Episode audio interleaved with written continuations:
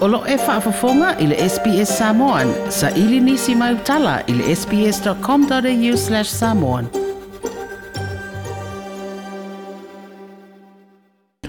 Ua au mai se whautuanga mai malo au whaatasi i le malo tele au se talia nei.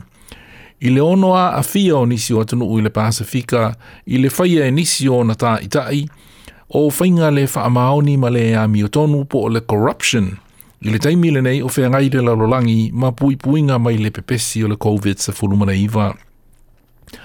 I se whono tanga i Canberra i le vai aso nei, na sa noa le sui o malo au whaatasi i pui puinga o le Pasifika mai le corruption, po le whaatonu o le Regional, Regional Anti-Corruption Advisor in the Pacific, le tamaitai o Annika Withers, o le whaamama ina nisi o atunu ua tū la fono o na opui puinga o le coronavirus, e ono sawa i manisi o whainga le whaamaoni ma le ami o tonu po o le corruption.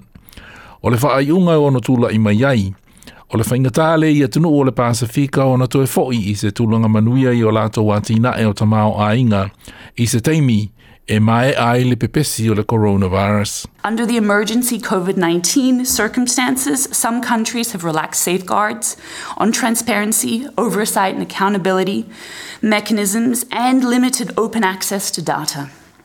To address the emergency, there is also a tendency to waive procurement, safeguards, withhold information, and suspend measures designed for constructive engagement of multiple stakeholders in various governance processes, enhancing significantly the risk of corruption.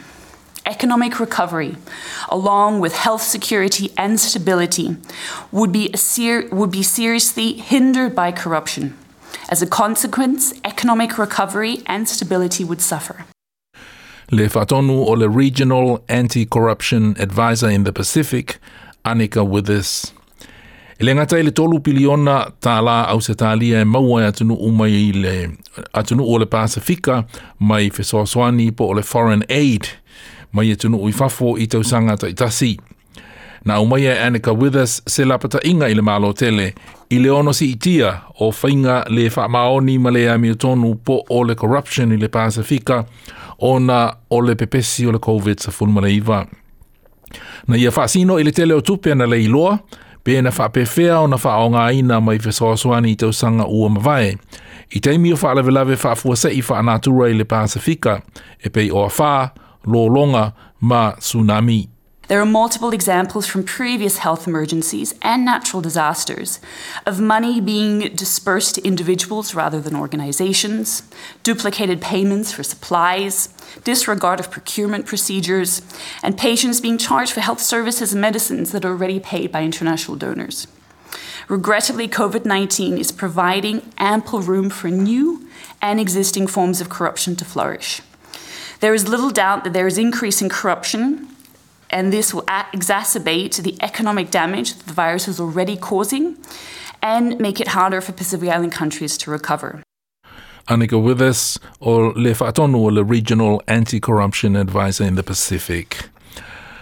Na whaali ai fo i le whonotanga le nei Canberra le vaso nei le ua le tūlanga o Ekalesia ma lotu keresiano i le Pasifika i mata upu i le atina e ma fesoasoani.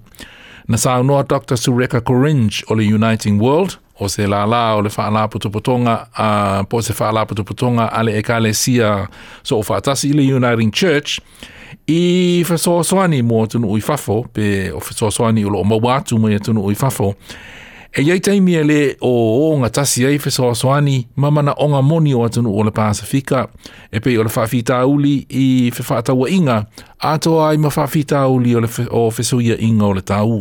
I think that we need to make sure that our other policies and how we um, work holistically, particularly in uh, trade agreements uh, around our aid program, and in particular how we as a country address climate change with our internal policies, um, is going to um, play a significant role in whether our approach to the Pacific is uh, seen to be genuine.